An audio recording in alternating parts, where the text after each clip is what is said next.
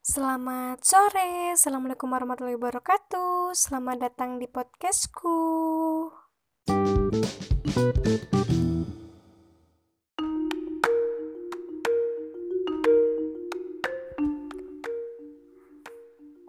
Bersama dengan aku, Lisna, di podcast kali ini aku akan membahas seputar kekerasan berbasis gender online yang mana pada masa pandemi ini ternyata jumlahnya semakin meningkat nih.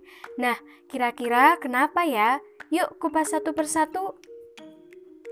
Teman-teman, seiring majunya teknologi, munculnya internet, dan masifnya penggunaan media sosial di masyarakat untuk melakukan berbagai aktivitas daring, menimbulkan dampak positif dan negatif bagi penggunanya. Pada masa pandemi sekarang ini nih, media sosial sangat dibutuhkan masyarakat untuk melaksanakan berbagai rutinitas, khususnya berkomunikasi dengan orang lain selama masyarakat melakukan karantina diri di rumah ya. Nah, peningkatan intensitas berkomunikasi di media sosial ini rupanya berdampak pada peningkatan tindak kekerasan seksual di ranah digital atau yang juga disebut sebagai kekerasan berbasis gender online dalam secara singkatnya itu KBGO. Jadi KBGO sendiri itu merupakan kekerasan online yang berdasarkan asumsi gender atau seksual tertentu. Nah, ini berbeda ya dengan kekerasan-kekerasan umum yang lain. Yang mana e, ada dilandasi oleh asumsi gender atau seksual gitu. Nah, pelaku KBGO sendiri itu bermacam-macam ya, bisa datang dari orang terdekat kita seperti pacar, keluarga, atau bahkan orang asing yang kita kenal lewat media sosial atau orang-orang yang tidak kita kenal gitu, tapi mereka dapat menghubungi kita melalui akun-akun yang kita punya nih di medsos. Nah, teman-teman, jenis-jenis KBGO sendiri tuh bermacam-macam seperti uh, serangan verbal atau trolling, peretasan, doxing, personifikasi, pencemaran nama baik, outing, pornografi, alterasi, penyebaran foto atau video intim tanpa konsen, honey trap, pemerasan, dan sextortion. Nah, uh, di podcast kali ini aku akan fokus ke pornografi, alterasi, dan penyebaran foto atau video intim tanpa konsen. Uh, por pornografi sendiri tuh merupakan pembuatan konten ya, pembuatan konten dalam bentuk gambar, audio atau video dan lainnya yang berbau seks. Kemudian ada uh, alterasi atau distorsi foto dan video yang mana merupakan modifikasi konten pornografi dengan sebelumnya tuh sudah uh, dilakukan pengeditan wajah seseorang, wajah korban yang dijadikan sasaran gitu. Jadi e, sebenarnya bukan si X, tapi di dalam konten tersebut wajah si X yang nampak. Nah, Kemudian ada penyebaran foto atau video intim tanpa konsen, yang mana penyebaran foto atau video yang berbau seksual milik seseorang ini itu tanpa e, persetujuan orang tersebut gitu, tanpa persetujuan e, pihak yang ada di dalam video. Nah, misalnya itu seperti revenge porn dengan motif balas dendam dan mempermalukan korban di dunia maya. Misalnya nih e, datang atau dilakukan oleh orang-orang yang pernah atau lagi sakit hati nih sama korban, misal mantan atau e, teman gitu. Nah, e, tadi kan di awal aku bilang ya bahwa kekerasan berbasis gender online ini tuh ternyata jumlahnya meningkat. Nah, apa aja sih buktinya? Nih, di tahun 2019, berdasarkan data Komnas Perempuan, terdapat 281 kasus kekerasan di dunia maya dengan kasus terbanyak yaitu penyebaran foto atau video porno. Nah, jumlah ini itu meningkat tajam dari tahun sebelumnya yaitu 97 kasus. Nah, selama pandemi nih, eh, Komnas Perempuan pun mendapatkan pelonjakan laporan KBGO pada periode Maret 2020 itu itu sebesar 93 laporan. Baru Maret ya. Nah, salah satu korbannya yaitu remaja putri SMA. Sebagian besar korban yang lapor itu mengaku tidak mengenali pelaku. Kan e, menimbulkan berbagai pertanyaan ya dan pastinya tuh menimbulkan dampak-dampak negatif nih bagi si korbannya seperti trauma dan lain sebagainya. Apalagi kan nggak dikenal gitu. Nah kemudian selaras dengan itu berdasarkan data data LBH APIK Lembaga Bantuan Hukum Asosiasi Perempuan Indonesia untuk Keadilan Kekerasan seksual melalui media daring itu menduduki urutan kedua setelah KDRT. Di masa pandemi ini dengan jumlah 33 kasus, Modus pelaku yaitu ancaman penyebaran foto atau video intim perempuan jika menolak ajakan berhubungan seksual. Selain itu, juga e, motif pelaku biasanya itu karena e, memiliki motif pemerasan uang gitu. Selain untuk mengajak berhubungan seks juga untuk memeras uangnya, uang korban. Nah, Kemudian berdasarkan data LSM, kekerasan seksual di Lampung juga meningkat selama pandemi. Dan parahnya, yang menjadi korban lagi-lagi adalah anak siswa uh, sekolah gitu, anak sekolah gitu. Nah, di Lampung ini sendiri kebanyakan korban adalah remaja putri usia siswa SMP.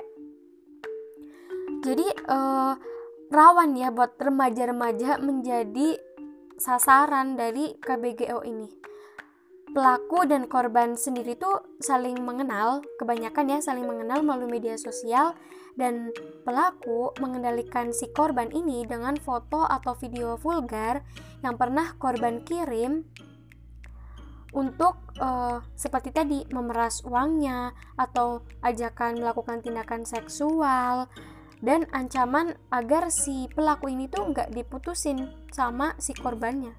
Nah, parahnya kebanyakan korban itu melapor ketika mereka itu uh, sudah tidak tahan lagi. Artinya mereka sudah mendapatkan KBGO dalam waktu yang cukup lama, tapi baru dilaporkan gitu. Setelah mereka nggak nggak kuat sama pemerasan yang dilakukan si pelaku. Nah, selain itu mereka juga menganggap hal ini tuh bukanlah sebuah kekerasan dan tidak perlu mendapatkan penanganan lebih lanjut. Relasi korban dan pelaku sendiri itu e, dalam kasus yang dilaporkan, misalnya ada mantan pasangan, ada teman dalam aplikasi kencan di media sosial, dan lain sebagainya.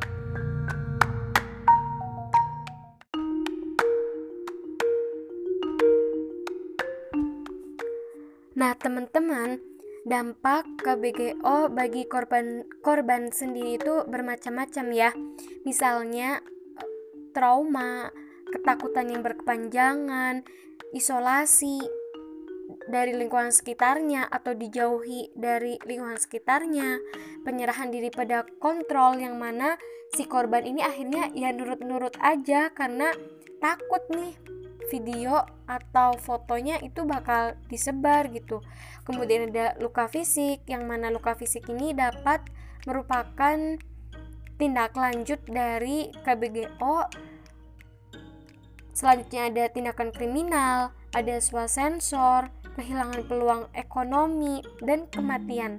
Kematian ini tuh e, dapat terjadi gitu ya. Yang mana ketika seseorang mendapatkan berbagai dampak dari KBGO, khususnya yang kehilangan peluang ekonomi di media sosial, karena media sosial itu kan dapat digunakan penggunanya untuk melakukan berbagai aktivitas ya, dapat bermanfaat bagi pengguna untuk berjualan, mengendorse produk, dan kegiatan ekonomi lainnya. Ketika dia itu udah malu, udah diisolasi dan lingkungan sekitarnya dicemooh dan lain sebagainya maka akan sangat rawan gitu. Rawan untuk uh, akhirnya itu berujung ke kematian si korban dari KBGO Nah, mungkin uh, selama pandemi ini teman-teman banyak ya dengar kasus-kasus kekerasan berbasis gender online ini. Misalnya nih ada kasus 12 mahasiswi UIN di Makassar yang diteror oleh pengguna oleh uh, akun tidak dikenal menggunakan video call dan pesan di WhatsApp dengan pesan-pesan yang berbau seksual dengan video-video yang berbau seksual gitu. Nah, parahnya gak cuma satu mahasiswi aja, tapi banyak mahasiswi dan dia itu sama bentuknya di teror menggunakan video call. Nah, kemudian ternyata KBGO sendiri itu eh, nggak e, cuma ngarah ke perempuan aja gitu. Ternyata laki-laki juga bisa, tapi laki-laki tuh eh, nggak e, secara terang-terangan. Misalnya nih, pada kasus Gilang Bungkus yang sempat trending di Twitter, mungkin teman-teman pernah denger ya kasus Gilang Bungkus ini atau bahkan teman-teman terlibat dalam komentar-komentar netizen tentang Gilang Bungkus ini. Nah, si Gilang ini kan disebut sebagai predator fetish kain jarik ya, yang mana berawal dari tweet salah satu akun Twitter yang jadi korban si Gilang.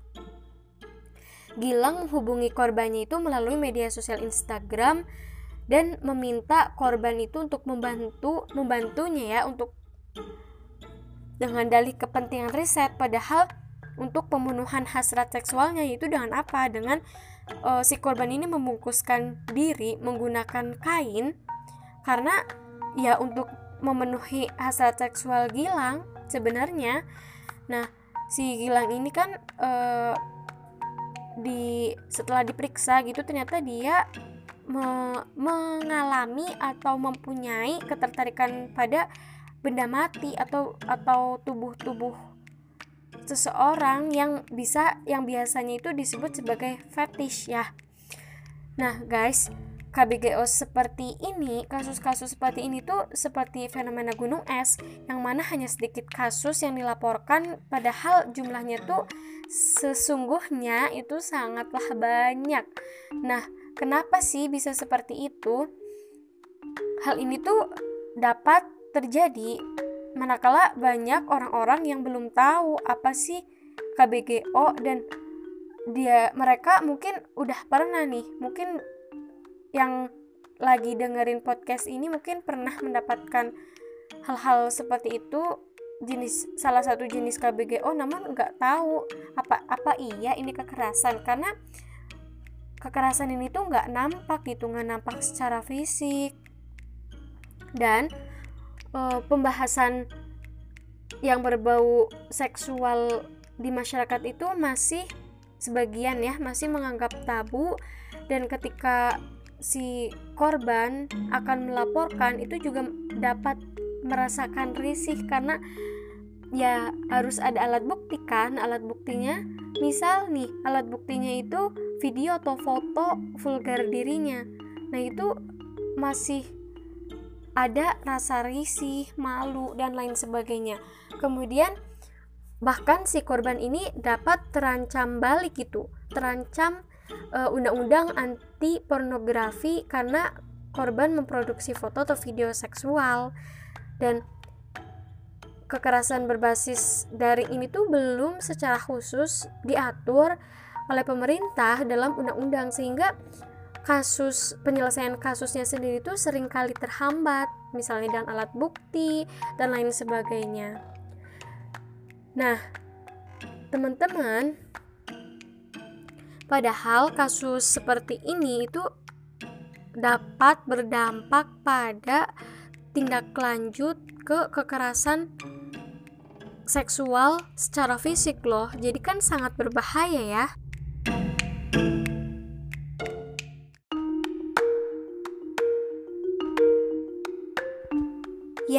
uh, usai sudah pembahasan di podcast kali ini, uh, jadi sangat penting ya teman-teman untuk kita tahu apa sih KBGO itu dan teman-teman yang mungkin mengalami ataupun pernah mendengarkan ada teman yang mengalami KBGO dapat segera lapor ya ke mana?